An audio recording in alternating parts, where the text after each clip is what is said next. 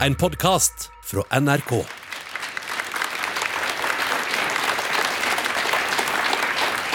Velkommen. ME, fibromyalgi og kanskje også senskader etter covid-19.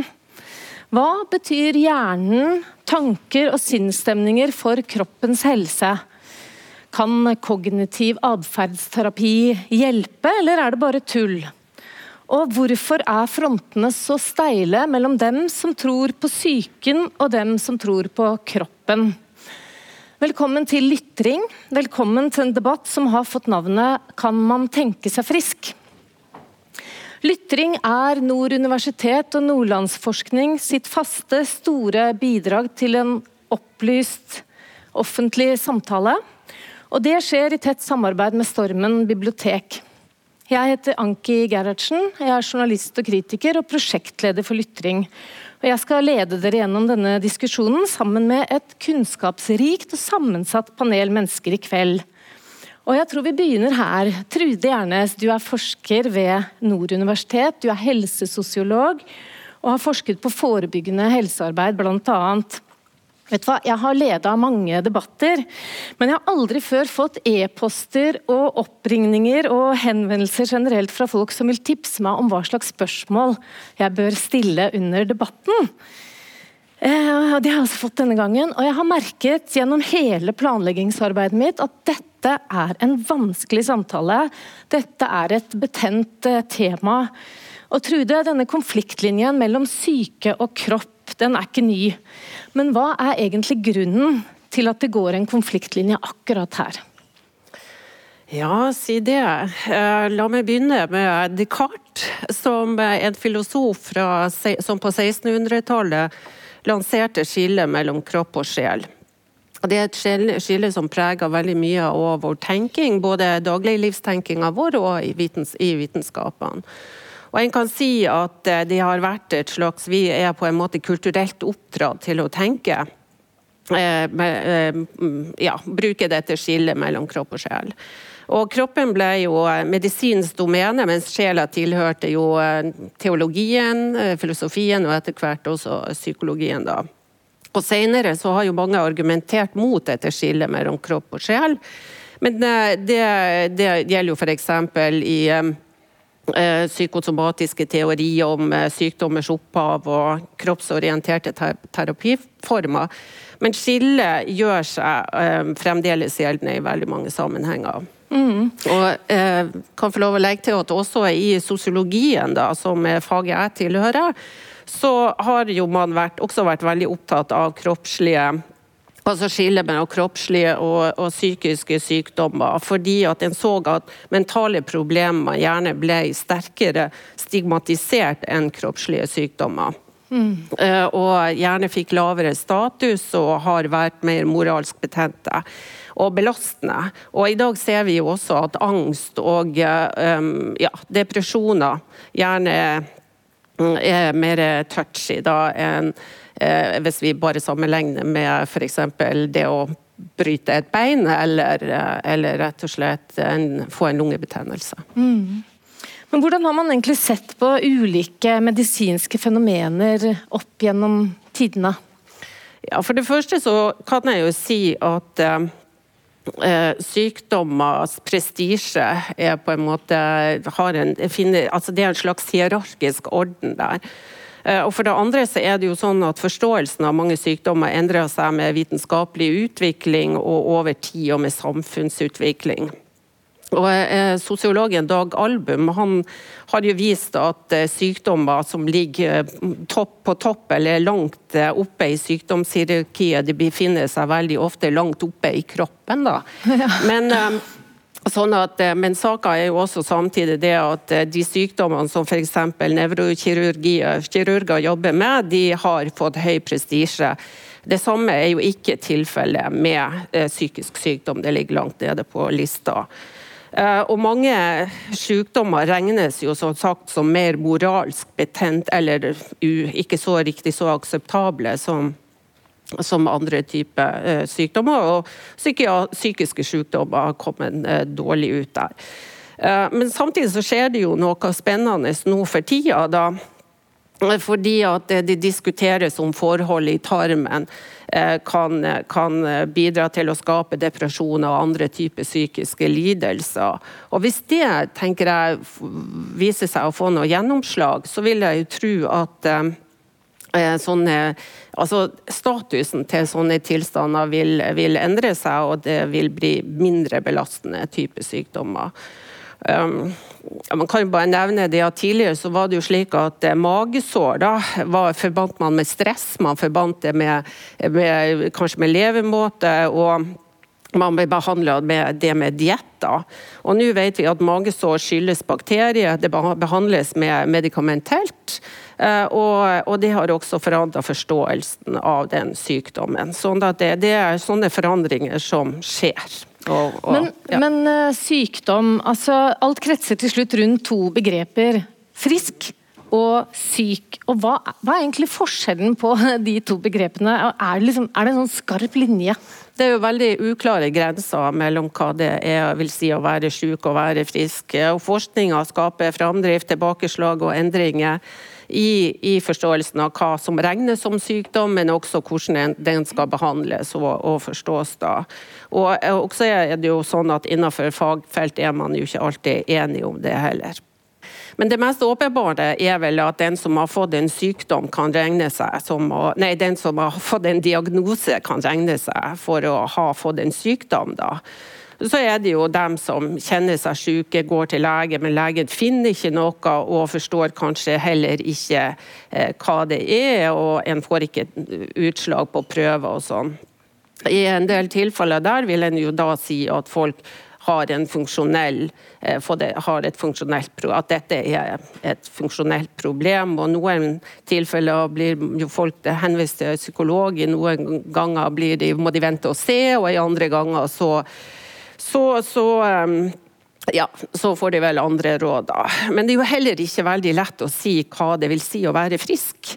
Uh, fordi at uh, du kan si at så lenge du ikke har en diagnose eller føler deg syk, så kan du regne deg som frisk. da. Men så vet vi jo at folk kan oppleve seg som frisk og samtidig være syk ha f.eks. alvorlige sykdommer. Og I dag vet folk det her, og det er også et eh, usikkerhetsmoment i folks tilværelse. Eh, og Derfor så går veldig mange friske folk ofte til lege for å sjekke om de er syke. Mm. Tusen takk, Trude. Da har vi et bakteppe, og da går vi rett inn i vår egen tid. Charlotte Gjertsen, velkommen hit. Takk. Du er 30 eh, år, og i flere av disse årene så har du hatt eh, svært dårlig helse. Eh, da du var 17 år, så reiste du fra hjemmeplassen din i Lofoten, Fredvang, mm. til Haukeland sykehus, og der ble det konstatert at du hadde ME. Du fikk den diagnosen. Kan du bare fortelle oss kort, hvem var du da du ble syk, og hvordan arta sykdommen seg? Før jeg var syk, så var jeg veldig aktiv. Jeg, altså Sosial, utadvendt. Hadde lyst til å være med på alt som kunne være, man kunne være med på. Var glad og positiv og en helt altså vanlig 14-15-åring. Når jeg ble syk, så, så, kjente jeg eh, sakte, men sikkert at her er noe som ikke stemmer. Jeg skjønte det ikke først, før jeg begynte å bruke ordet 'sliten'. At det var det, var det som på en måte var, var, var hoved, hovedtingen av det jeg sa. Jeg var eh, de enkleste tingene ble litt eh, ble vanskelig. Jeg trengte å slappe mye av. Jeg var svimmel, jeg var bleik, jeg var kaldsvetta. Jeg, jeg fikk ikke ting til. Var, å gå på skole var, var ikke lenger altså, det var ikke en, noe som ga meg noe positivt, eller ga meg energi, sånn som det, det gjorde før. Mm. Men du var liksom litt over gjennomsnittet aktiv, var det ikke det? Det var to eh, kor, og det var Jeg tror nok du kan si det, ja. ja. mm. Og så hadde du en sånn virussykdom innledningsvis. Ja. At, Før du fikk alle de symptomene ja. du har beskrevet. Mm. Mm. Ok, Du mista jo skolegang, fortalte du meg. Du måtte slutte. Du orket ikke. Det ble lagt til rette for deg. Du fikk sitte for deg selv, men det hjalp ikke. Eh, og du mista masse viktige ungdomsår. Du lå og hvilte og samla krefter mens venninnene og vennene dine var ute og herja. Mm. Hvordan er det å tenke på det tapet der? Det er ganske sårt. Eh, fordi at eh, man kjenner seg veldig ensom. Man blir, man blir på en måte utafor. Og jeg syns det er egentlig like sårt i dag som det var, som det var da. For f.eks. russetida da. jeg kan ikke snakke med mine jevnaldrende venninner om russetida på samme måte som jeg ville ha gjort har jeg vært, kunne vært frisk og kunne få delt den i lag med de. Jeg møtte henne videregående over seks år. Um, så de, de, de, de for på en måte videre, mens mm. at jeg møtte jobb med, med, systemet, med helsevesenet, med, med, Nav og med Lånekassen. Det var liksom min, det jeg fokuserte på, mens at de var kanskje ute og fikk en jobb, eller gjorde, gjorde sånn normale tenårings- og ungdomsaktiviteter. da.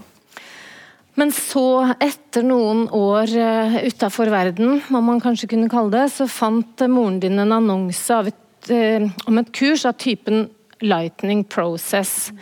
Og For de som ikke vet det, så kan vi kanskje bare fort beskrive at det handler om å bruke en verktøykasse som er beslekta med kognitiv atferdsterapi. Man jobber med tankene sine og dette skal hjelpe pasienter med smerter, med ME-diagnose, med angstlidelser til å bli velfungerende igjen. Og du dro dit. Og så måtte du svare på et spørsmål om du var positivt innstilt. Og du svarte ja, men var det sant?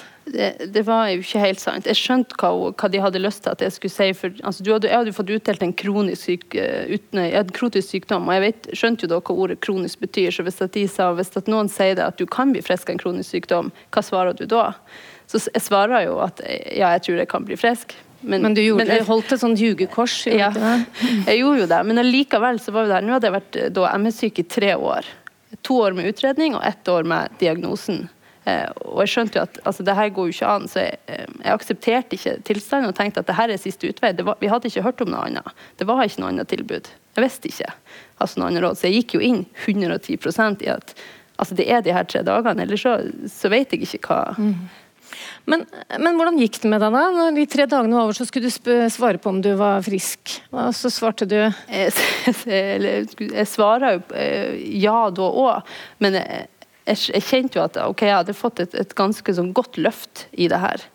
Eh, og reiste jo hjem til Lofoten og tenkte at nå må, må, jeg bare, bare jobbe. Og jeg jobba jo hardt og hardt på videre. Altså, et par måneder etterpå så gikk jeg over fjellet og så eh, kjente jeg at søren òg, jeg er jo ikke frisk allikevel. Men så, sant, med ressurs, ressurssterke personer i nærheten, og med tilrettelegging på skoler altså, Vi eh, passer på at aktivitetsnivået altså, funka. Det var hardt arbeid over lang tid? Ja, ja, ja. Det var mm. hver dag måtte vi passe på. Så det var ikke sånn trylleformular? På ingen måte trylleformular, men jeg, jeg, fikk et, jeg, fikk et, verktøy som jeg klarte å For det var ikke sånn at jeg, når jeg får hjem at jeg tenkte ok, nå må må jeg gjøre konkret de her øvelsene hele tida. Men det var det var et eller annet som, som jeg tok med meg hvert fall videre, som, som hjalp såpass godt at jeg da to år etterpå kjente at nå kan jeg nå kan jeg gjøre hva som helst, nå kan jeg bli med på det her. Nå kan jeg, Uten at jeg må tenke konsekvenser etterpå. For var jeg med på noe, så, så måtte jeg jo tenke at ok, da ødelegger du onsdagen hvis du går på korøvelse på tirsdag. Men du, du, fortalte meg at på det kurset du gikk på, så lærte du deg å si eh, 'jeg gjør ME' istedenfor 'jeg har ME'. Så tanker om egen sykdom, eh, forsto jeg det rett, det skulle liksom snus fra passiv mottaker til en aktiv påvirker. Og det er det mange med alvorlige ME-diagnoser som finner veldig provoserende. Eh, kan du forstå det? Ja, absolutt. Det kan jeg forstå. For, eh, for meg da så handler det om Det, var jo ikke, det er jo ikke denne tingen alene, eller den øvelsen alene som, som jeg tok med meg videre, men det fine for meg som på akkurat det der med å ha et aktivt språk, det var at jeg kunne si at jeg heter Charlotte. Jeg, altså, jeg, jeg er ikke ME. Min identitet er ikke ME. I tre år så hadde jo jeg sagt jeg har ME. Når du sier du har ME veldig lenge.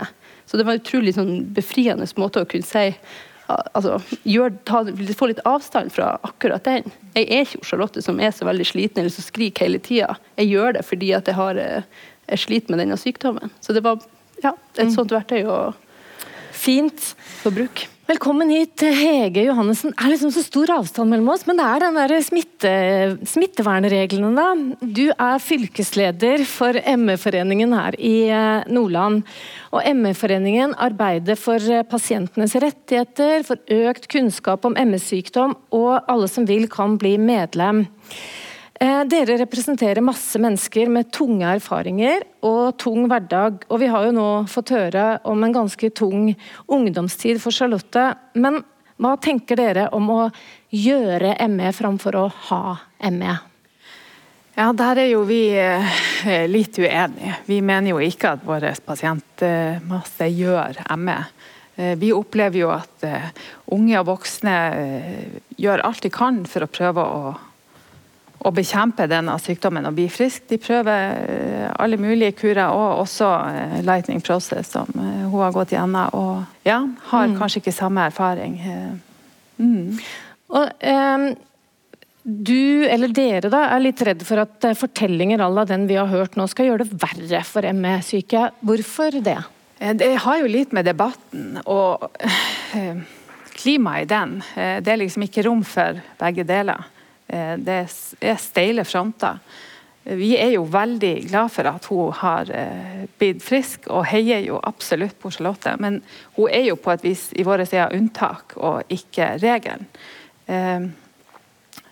vi er jo nødt til å, eh, være stemmen til de som, eh, som ikke har mulighet til å, å, å, bli frisk eller å bli hørt eh, på samme måte.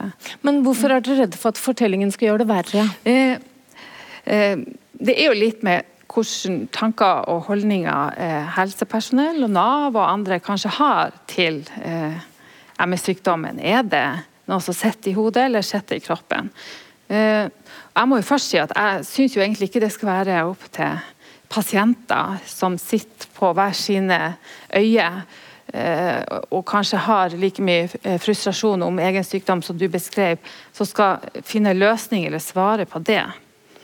De skal jo måtte, eller de, de bør jo mottas med at de blir trodd, at de får den hjelpa de trenger, at de får de rettighetene de har. Det er fryktelig påkjenning for en ME-pasient å møte så mye mistro når man i tillegg har så alvorlig eh, mm.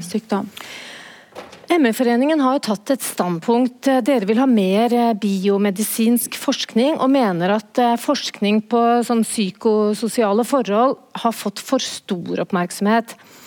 Eh, foreløpig er jo ME en sykdom som verken kan sikkert påvises ved hjelp av prøver eller behandles medikamentelt. Men hvorfor er dere da så avvisende til sammenhengen mellom kropp og syke? Ja, det er jo det vi ikke er. Vi er jo ikke avvisende til sammenhengen mellom kropp og syke.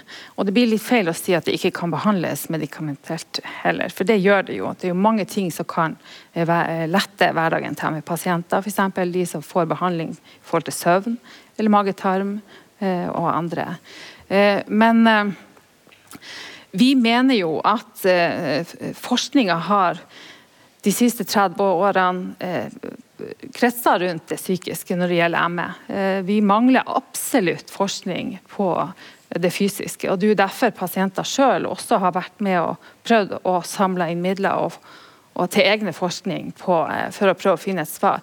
Det har jo også med at pasienter føler jo kanskje mer at dette er eh, kroppslig. Eh, ja.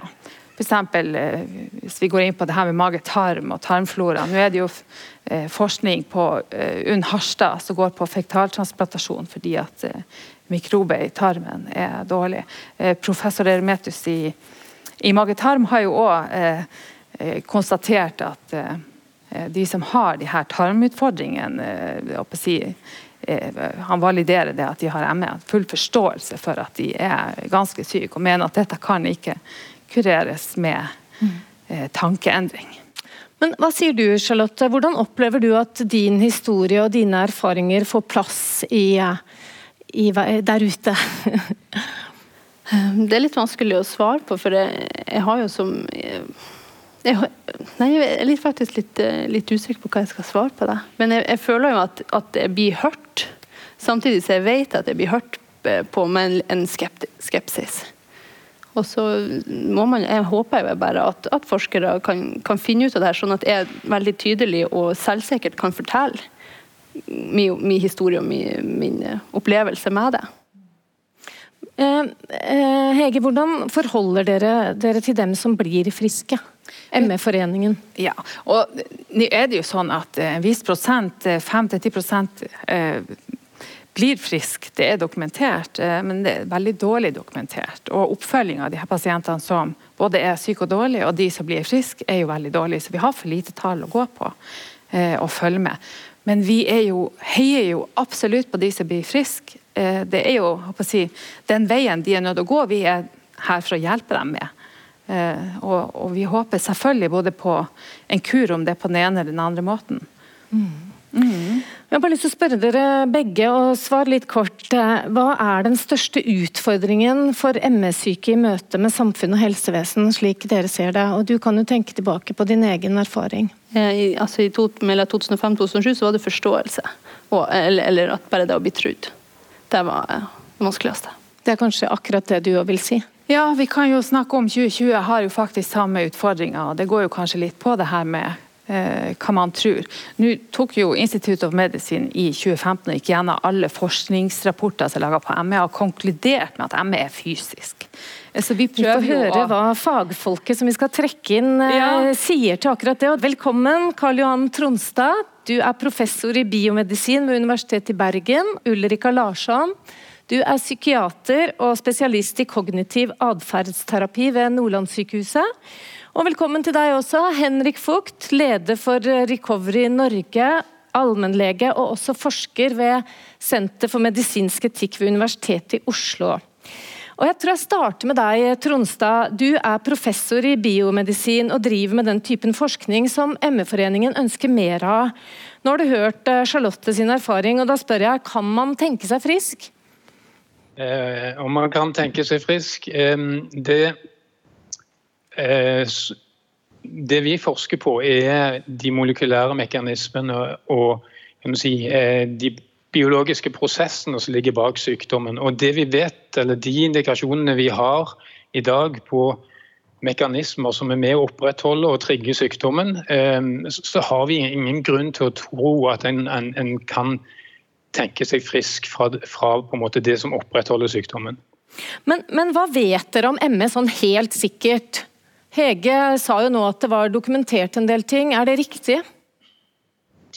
Eh, ja, altså jeg kan jo si litt eh, om eh, på en måte hva sykdommen er først og fremst. Det er en, en veldig invalidiserende sykdom som vi har hørt, med alvorlig utmattelse og, og bestemte andre symptomer. Og hvor eh, aktivitet og anstrengelse kan gjøre pasienten sykere. Eh, en sånn anstrengelsesutløst eh, symptomforverring det er noe som skiller ME fra en del andre sykdommer som involverer langvarig utmattelse. Og I tillegg så kommer symptomer som smerte og sykdomsfølelse, kognitive problemer, søvnproblemer og autonome forstyrrelser. Eh, og annen, Et annet kjennetegn er det at sykdommen må være nyoppstått og ha en klar begynnelse. Og, og Den viktigste årsaken er at den har en infeksjon rett i forkant av, eh, av eh, at en får ME-symptomer. Eh, men så er det sånn at symptomstyrken og denne her aktivitetsterskelen til den enkelte den kan variere veldig. Og Det gjør at en har en ganske sammensatt og heterogen pasientgruppe. Noen klarer å gå litt på skole og jobb, mens andre er helt eller delvis bundet til seng. Og, noen er sondeernærte og, og, og, helt pleietrengende og må skjermes fra lyd og lys. Og så er Det sånn at vi, det historisk sett har vært brukt eh, forskjellige diagnosekriterier for sykdommen. Og I forskningen så har det òg vært brukt litt ulike premisser for hva en kan betegne som en bedring. Og Eh, og Det har gjort det vanskelig og gjør det vanskelig å, å sammenligne direkte tidligere eh, forskningsresultater.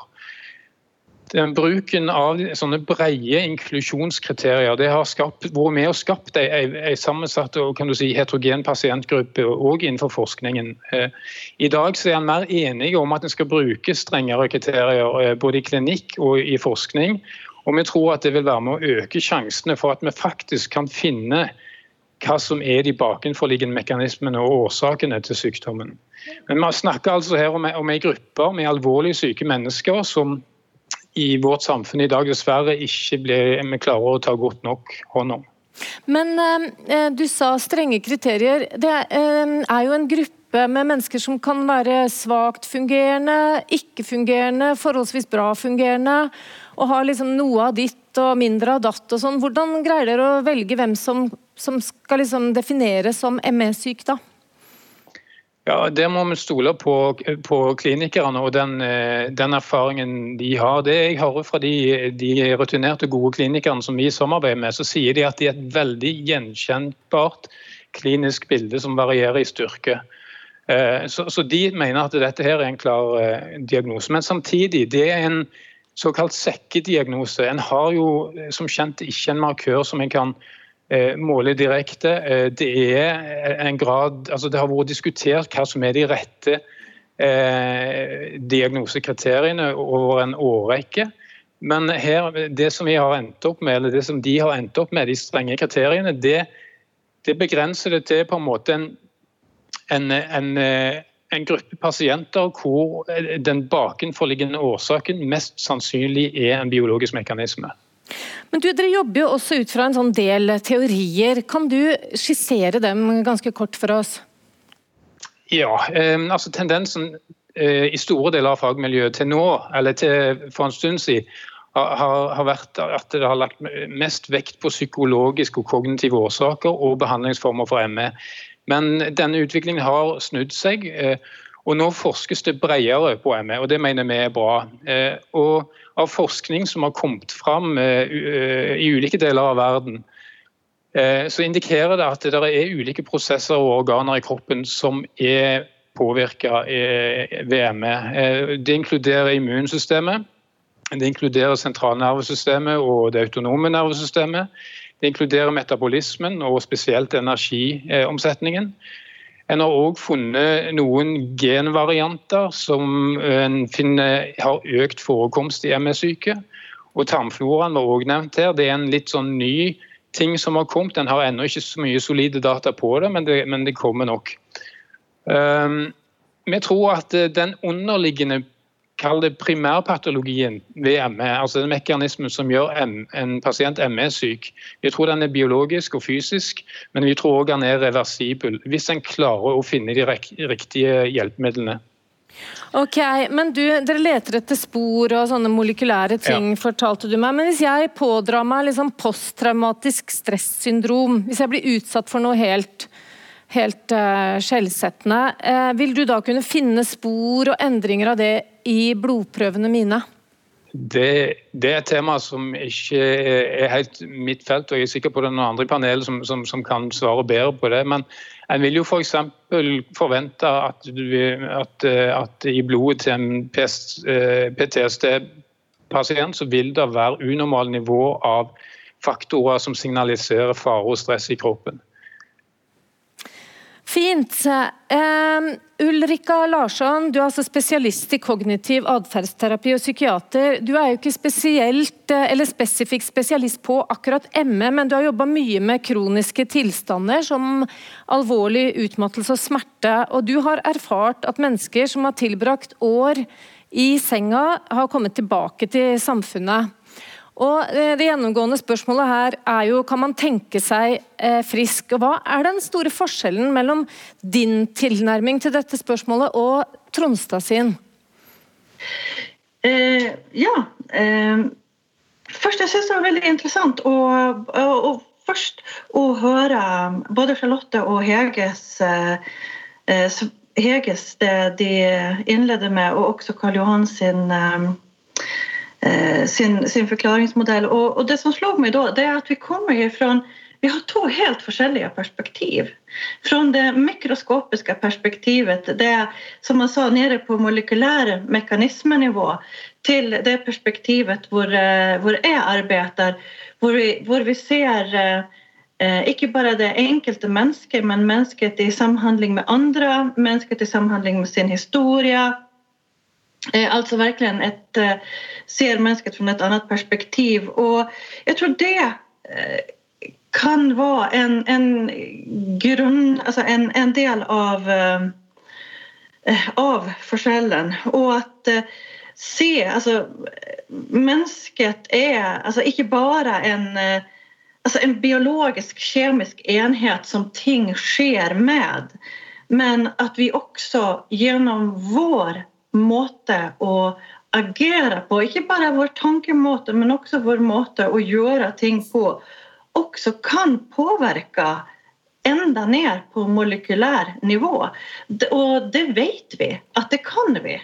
Eh, det har man gjort. Det finnes gamle studier som visar, eh, den jeg tenker på, det var patienter med social angst som eh, en pasientgruppe fikk en effektiv psykologisk behandling. De fikk kognitiv atferdsterapi mot sosial social angst og den andre fikk medicin. Og det man såg når man da la dem her i røntgenundersøkning med så man kunne se vilka deler av hjernen som ble aktiverade av, eh, av behandlingen så så man at det var samme deler av hjernen som ble påverkade. Det vil si at vi kan påverka vår biologi med hvordan vi håndterer ting og hvordan vi förstår og tolker ting. Og det, det her vet hverandre idrottsman. Hverandre eliteidrettsmann vet det. At skal du prestere høyt, så er en god coach og en god mental trening er, er viktig. Det tror jeg alle Bodø-Glimt-spillere i Milan vet i kveld. Men hva er liksom grunntanken i kognitiv atferdsterapi? Altså, grunntanken i kognitiv terapi, det kan man egentligen, man kan egentlig sammenfatte det gjennom å si at vi ser, vi ser ikke verden så som verden er. Vi ser verden så som vi er. Det vil si at gjennom vårt liv, gjennom det vi opplever, gjennom hver ens menneskes unika biologi og unike historie, så former vi vår forståelse av världen både av, eh, av oss sjøl, hvilke vi er, hvordan andre er, hvordan verden er, og hvordan vår framtid kommer til å se ut. Og det styr også måten vi, vi fortolker ting på og vi agerer på. Altså bare i denne situasjonen, hvis eh, du skulle stelle meg noen skikkelig utfordrende spörsmål mm. som må, Her må jeg virkelig tenke etter hva jeg skal svare. så skulle jag jag skulle kunne tenke at hun er ute etter å ta meg. Og det her skal man ikke få lov til. Og så skulle jeg kunne bli irritert og kanskje til og med møte det med en viss arroganse og litt sånn eh, den type svar. Jeg har opplevd det noen ganger. ja. Men du... Ja, men skal bare, bare, ellers eller så skulle jeg kunne tenke att eh, eh ditt eh, er for at, at Eh, att jag är faktiskt så dårlig at jeg klarer ikke å presentere det her. Og så skulle jeg kunne trekke meg undan og stoppe å svare og gi veldig avvisende korte svar. Eller agere utifrån at det her er, her er det noen som er engasjert og vil få fram fakta. Så hvordan vår interaktion, det er ikke hvordan, bare hvordan dine spørsmål er, men også hvordan jag förstår og arbeider med dem. Mm. Men hvis det er sånn at uh, man kan tenke seg frisk, kan man da også tenke seg syk? Da Da vi snakket sammen på telefon, så sa du at det man leter etter, det finner man. Hva, hva mente du med det? Eh, om man kan tenke seg frisk om man kan tenke seg syk.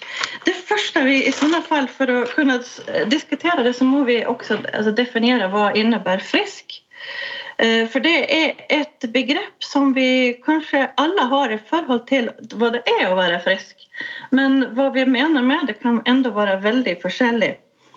Og at tenke seg syk eh, Da er det veldig lett eh, det som Hege tog opp. det her med at ja, ja, ja, nu har man eh, inbillat sig psyk, den inbillade psyke. Ja, ja, ja, alltså, den här har läckt ut och så går de här och säger att de har ont. Ja, ja, ja, så du sover halva dagen och klarar inte att komma sig upp och ligger i ett mörkt rum. Alltså, det är väl bara att skärpa sig. Och jag syns det är väldigt trasigt när det blir alltså, den, eh, alltså, den, den polariseringen därför det är inte, inte det det handlar om. Eh, därför att eh, bara for å ta et eksempel, for å snakke om smarte patienter, det vet vi at hjernen blir sensitivisert. Det vet vi gjennom forskning. Vi vet at hjernen fortolker ting og at hjernen skapar smärta på at den har, Og den er ikke det at man tror man har vondt, for man har ont gå tillbaka på spørsmålet. det her at vi ser, altså vi ser det vi, vi leter efter og det fins et begrep begrepp för det. Det heter eh, altså confirmation bias eller bekreftelsestendens. Det vil si at vi ser, vi ser og har fokus på det vi søker. Om man er ute, man skal på hytta i lag med noen som har edderkoppsfobi. hvem er det som ser alle edderkopper? Som, eh, som, som ett exempel. Mm. Kanskje du har lyst til å kommentere. Eh, Karl Johan, har du lyst til å kommentere? Ja, jeg, har, jeg har lyst til å kommentere. Altså, jeg, jeg, tror, jeg, tror, det er ingen som bestrider at det der er altså, Kropp og sinn henger sammen. Og, og, og en kan Eh, en, kan, eh, en, en, kan si en kroppslig fysisk sykdom kan gjøre en psykisk eh, syk, og, og, motsatt. En psykologisk sykdom kan føre til, til eh, symptomer i, eller endringer i kroppens funksjoner. Det, det, tror jeg er helt riktig. men jeg, jeg føler altså Det trenger ikke være noe mot noen motsetning her, her egentlig. Men, men, det en må erkjenne, det er det at hvis en har en kjent eller antatt fysisk sykdom, f.eks. diabetes.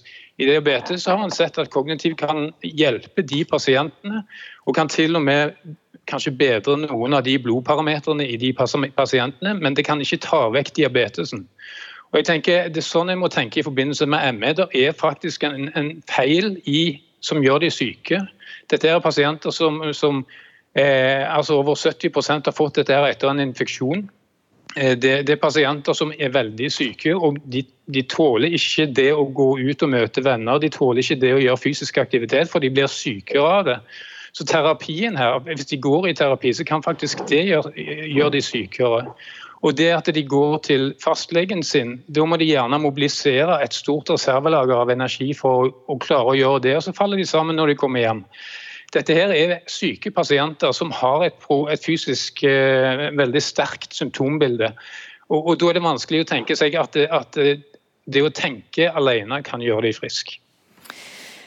Eh, Hege? Ja, jeg hadde jo litt lyst til å svare til uh, Ulrika Larsson. Ulrika, ja. Uh, jeg vet ikke hva hun mente jeg hadde sagt, uh, men jeg syns jo den holdninga til at Eh, det vi tror er at pasienter går og kjenner etter om de er syke, eh, den syns jeg ikke hører hjemme noen plass. Eh, der er jo en god del observerbare symptomer på pasientene. Og det de vil, og vi ser på unge, barn og unge, men også voksne, det er jo faktisk å, å komme tilbake til eh, livet sitt og, og, være med på ting. Eh, det er jo ikke at man går sitter hjemme og kjenner etter om at man har vondt noen plass. Så jeg syns eh, kommentarene ble veldig feil i denne settinga. Var det noen misforståelser her, Ulrikka, Ulrika, eller vil du vente og svare på det etterpå? Nei, jeg kan gjerne svare det ut. og Jeg får bare beklage om det kom fram sånn, for det er absolutt ikke det jeg mener. Jeg tror at en var, eller jeg tenker at enhver menneske, uansett hva det er man sliter med, gjør sitt aller beste til enhver tid for å håndtere tilværelsen. Eh, og det jeg ønsker, var egentlig bare å svare ut når det gjelder de enkelte prosesser. Nå er jo et helt menneskeliv så mye mer enn bare enkelte psykologiske prosesser, og at eh, eh, det er akkurat eh, tvert om jeg egentlig mener. Det vil si altså at, at det er ikke innbillede symptom. Selvfølgelig ikke. Jeg tror også det var en liten misforståelse der. Men du, ME-foreningen er jo uansett redd for at dette fokuset på kognitiv atferdsterapi vil gjøre det vanskeligere for ME-syke. Er du sikker på at det hjelper pasienter med det symptombildet vi snakker om i dag, da? Eh, det, det er et enormt stort spørsmål å svare på. Derfor at selvfølgelig så har jeg lyst til å si at ja, absolutt alle kan få kjempegod hjelp av kognitiv eh, atferdsterapi, for da har vi jo løst det. Da skulle jo ingen behøve å gå videre og, og, ha det så ille som, som ja, den, den, pasientgruppen og mange andre pasientgrupper med, med kroniske lidelser har. Og det er også det, altså vi, vi, vil gjerne tenke litt reduksjonistisk. Alle eller inget, alt eller inget. Eh, men veldig, veldig mange tror jeg skulle ha stor nytte ut av at eh, eh arbeide med, med kognitiv atferdsterapi. Og en av grunnene i, når man arbeider med kognitiv atferdsterapi, det er faktisk å møte pasienten akkurat den, der den er. Det er ikke å trenere en behandlingsmodell hodet på en pasient. Da er man ikke der at man jobber med kognitiv terapi. utan Det første man må gjøre, det er å lage en felles plattform der man har en felles forståelse av eh, hva det er man skal jobbe med, og hva altså, hvordan man forstår det som pasienten sliter med. Det må, det må, man finne en felles plattform til. Og klarer man ikke det Jeg tenker på Charlotte var litt inne på det. Men, men, klarer man ikke det, så kanskje man kan finne en måte å finne ut av ting på i lag. At ok, vi er ikke enige i hvordan vi tenker det, men kan vi prøve å finne ut av hva som kan hjelpe deg med din eh, unike historie og mm. unike liv? Takk så langt. Eh, jeg vil trekke inn deg også, Henrik eh, Vogt. Mange kjenner deg fra samfunnsdebatten. Du er eh, lege, du er forsker ved Senter for medisinsk etikk, men du er her først og fremst fordi du er leder for Recovery Norge. En organisasjon som formidler historiene til ME-pasienter som blir friske. Hvorfor ser du et behov for denne organisasjonen? Um, fordi det er mennesker som blir friske. Eh, ved hjelp av f.eks. kognitive teknikker, altså kognitive strategier. Og jeg tenker rett og slett at Det er viktig å lære av deres historier. Og De har ikke kommet frem godt nok før. Eh, de eksisterende organisasjonene som har vært, har dessverre ikke vært veldig interessert i å få dem frem. Sånn at det er en, det er på en måte en brukererfaring, en pasient- eller ekspasienterfaring som, som bare er der, og som jeg tenker vi kan lære veldig mye av. Eh, og Ideen er rett og slett bare å få dem frem, sånn at vi kan lære av dem.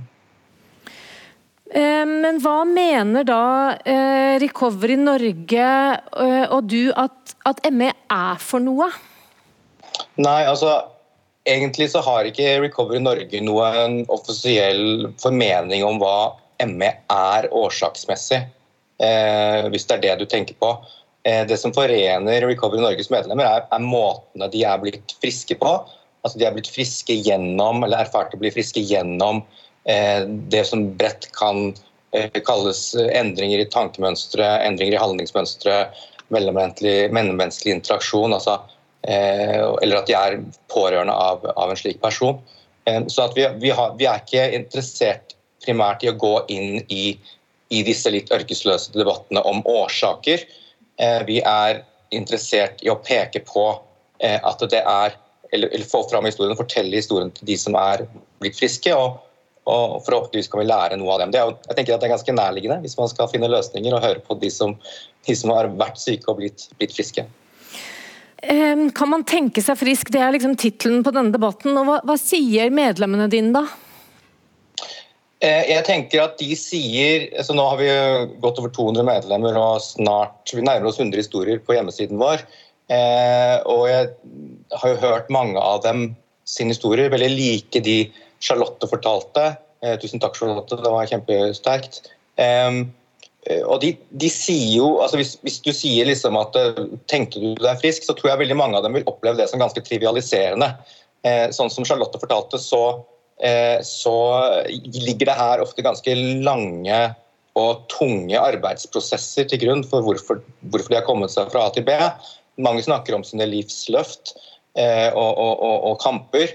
Um, sånn at hvis du, hvis du liksom sier at, at, det å tenke seg frisk er en enkel sak, så nei, da kan du ikke tenke deg frisk. Men hvis man med det mener liksom bredere at man kan at man kan gå inn i prosesser der han har eh, kognitive teknikker f.eks. som verktøy i en lengre arbeidsprosess, så ja, da, da kan det bidra.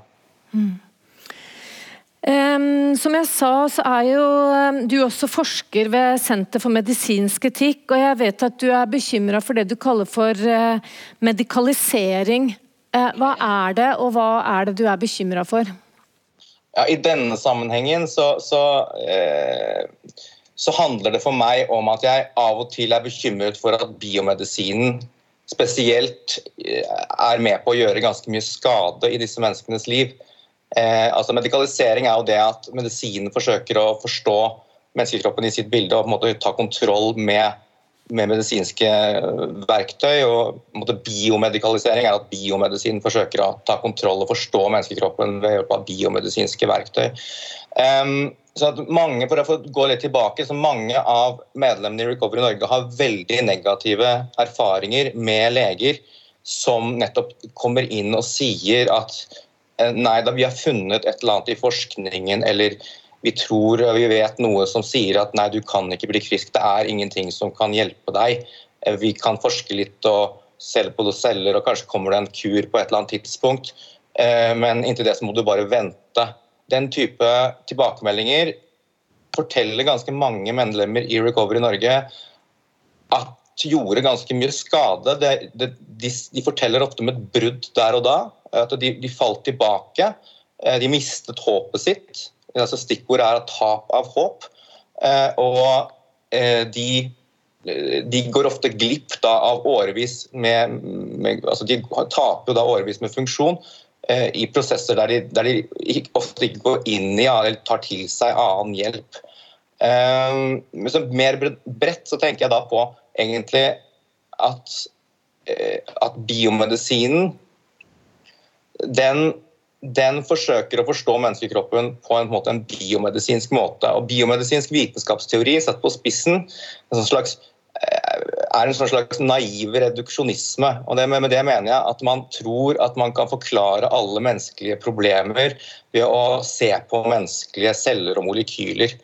Og, og finne en defekt mekanisme der. Um, og Hvis man da finner en sånn mekanisme som er liksom feil, en defekt, ja, da er det forklart da, da, er det, eh, da, er det, noe medisinen kan forstå. Men hvis de ikke finner liksom sånn, noe sånt funn, da er det liksom uforklart. Og da er det på, på, sett og vis også ikke ekte. Da er det på sett og vis ikke reelt. Um, og Da er det ofte også lavere prestisje. Um, så at, og, Biomedisin har da en måte å konseptualisere sykdom på som gjør mennesker på en måte til en slags passiv ting. Altså, du har funnet en sånn passiv greie i kroppen deres som skal forklare alt. Eh, problemet er bare at det er ikke sikkert at alle, alle helseproblemer kan, kan, forklares på den måten. Eh, og biomedisinen kommer til å på en måte, Så lenge det er liksom, funding, kommer den til å, eh, den til å kaste opp nye funn som liksom kommer til å si til pasientene at nå har vi funnet en løsning, nå har vi funnet en forklaring.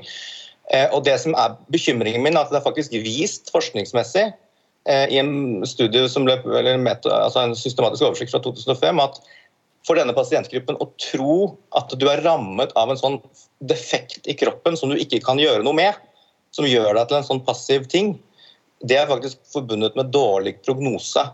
Eh, og Det er klart det er, det er jo sjeldent i medisinen at vi, vi hele tiden driver med noe som egentlig er en risikofaktor for for pasientene, men, men biomedisinere gjør dette hele tiden. De kaster opp masse forskningsfunn og, og, og, som, og liksom konseptualiserer disse pasientene som, som, som, rammet av noe de ikke kan gjøre med, noe med. Og, Min bekymring er at på stor skala så gjør det at folk låses, låses i en formening om at det, det ikke er håp, at de ikke kan gjøre noe, at det, at det påfører en god del skade. Det er min bekymring medikaliseringsmessig i denne sammenhengen. Eh, dette skal flere få kommentere, men jeg har bare lyst til å spørre Charlotte først. Eh, hvordan opplevde du eh, dette begrepet håp mens du var syk? Var det noen som ga deg noe håp om at dette her blir du frisk av? Nei. Jeg husker jo at jeg for på sykehuset her i Bodø, og overlegen på barneavdelinga altså vi, vi snakker ikke, ikke, om det, vi snakker mest om her og nå, men det, jeg visste jo at det var ikke noe håp, for det fantes ikke eh, noe med det, men vi håper lovlig det at vi håper at noen kan forske på det, og at det kommer opp. Så inntil videre så skulle du bare vente? Ja, ja. At vi måtte bare gjøre det vi kunne. Altså jeg og, og mine, mine, nærmeste måtte gjøre det vi kunne. Hege, og så får Karl Johan ordet etterpå. Ja, jeg hadde jo spørsmål til eh, Hvis du har et spørsmål, så tror jeg kanskje Karl Johan må få kommentere det angrepet på biomedisinen først. Det skal han få lov til, vær så god. Ja, Jeg vet ikke om jeg forsto alt, og jeg vet ikke om, eh, om, om jeg føler jeg trenger forsvare for mye. For det, for det, det folk der gjør, er jo på en måte å, å, å snakke ned hele det medisinske og biomedisinske forskningsfeltet. og det, det, bør jo herske liten tvil om at eh, det er en del sykdommer sånn, hvor han har funnet hvor som en ikke har skjønt i begynnelsen, men en må forske bredt. Og en må ikke la seg begrense av bestemte Eh, retninger i starten, og så må han fokusere det inn når han finner noe.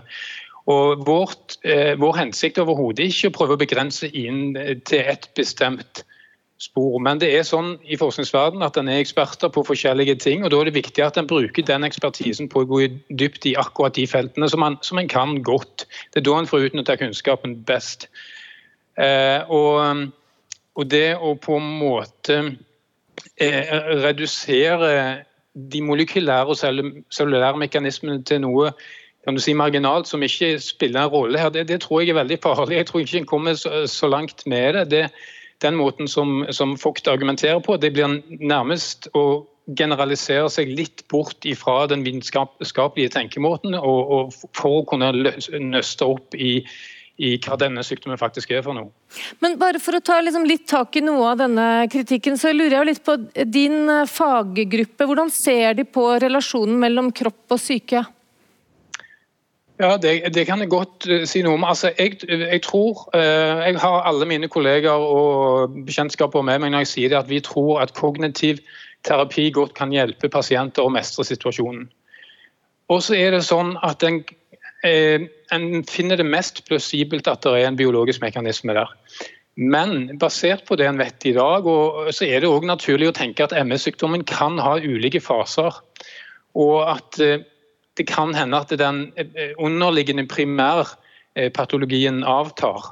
Og Da kan en òg tenke at det kan komme ulike typer behandling inn på ulike stadier der. Men vi vet for lite i dag til å kunne gjøre sånne vurderinger i pasientene. og Derfor er det så viktig å forske bredt, og ikke gå i tottene på hverandre, men heller prøve å heie hverandre fram. Det er derfor vi har denne samtalen, vet du. Hege, vær så god. Ja, jeg hadde jo bare eh, eh lite i mente til eh, Henrik Bock. Sånn som jeg oppfatter pasientgruppa eh, vår, og sikkert Charlotte kjenner igjen, det er jo det at man prøver jo alt man kan. Man koker kraft, man tar en sjokoladekur, man bytter kosthold. Man, man, gjør alt for å prøve å bli bedre. Så man setter seg jo ikke akkurat ned og, og ikke eh, prøver å bli frisk. Eh, ja, det var det. Mm. Um, Ulrika, du ba om ordet. Ja, eh, jeg, jeg syns det her det, det, er så intressant å følge med og følge og och følge med de, de forskjellige, forskjellige innleggene. Og eh, jeg er jo helt eh, enig med Karl Johan Han sier det viktigste er å ikke la seg begrense. Altså, vi, må ha, vi må være åpne. Eh, og ikke lage, og det som Henrik sa, altså ikke lage stive fronter og ikke ha fokus på å stonges mot hverandre i frontene, men faktisk eh, se hva er det som har fungert, hvordan kan vi gjøre mer av det fungerer, hvordan kan vi bli flinkere på å finne hva som, hva som kan fungere, uansett hvor. Eh, men jeg vil ikke si at, at, bare for at man ser, kommer fra en, en annen vinkling, at man tenker at, molekyl, at det, molekylära inte spelar någon roll därför att absolut allt är det molekylära. Jeg jag tänker på Descartes sitt misstag när man säger, alltså, det där har varit vanligt att man säger sinnet påverkar kroppen och jag har bara lust att säga nej, det gör det inte. För sinnet är kroppen. Vi är ett och helt. Och, och, det finns så många exempel på det. Vi är faktiskt till och med vår omgivelse. Man vet, eh, apropå det Hjärne sa, alltså det här, och det här med alltså sociologin. Vi vet att vara ensam är en lika hög risikofaktor som andra, alltså kost och røyking, när det gäller att eh, få slag och hjärtinfarkt. Det påverkar, Att være ensom påverkar enda ned på molekylær nivå og gjør at man lettere får sykdom. Så det her er altså det, det, det her Vi er ett og helt. Sinn og kropp er ett. Tusen takk skal dere ha alle sammen. Det var det vi rakk. Eh, tusen takk til paneldeltakerne som er her i Bodø, og tusen takk til dere som stilte opp via videolenke. Takk for oss. Du har hørt en podkast fra NRK. Hør flere podkaster og din favorittkanal i appen NRK Radio.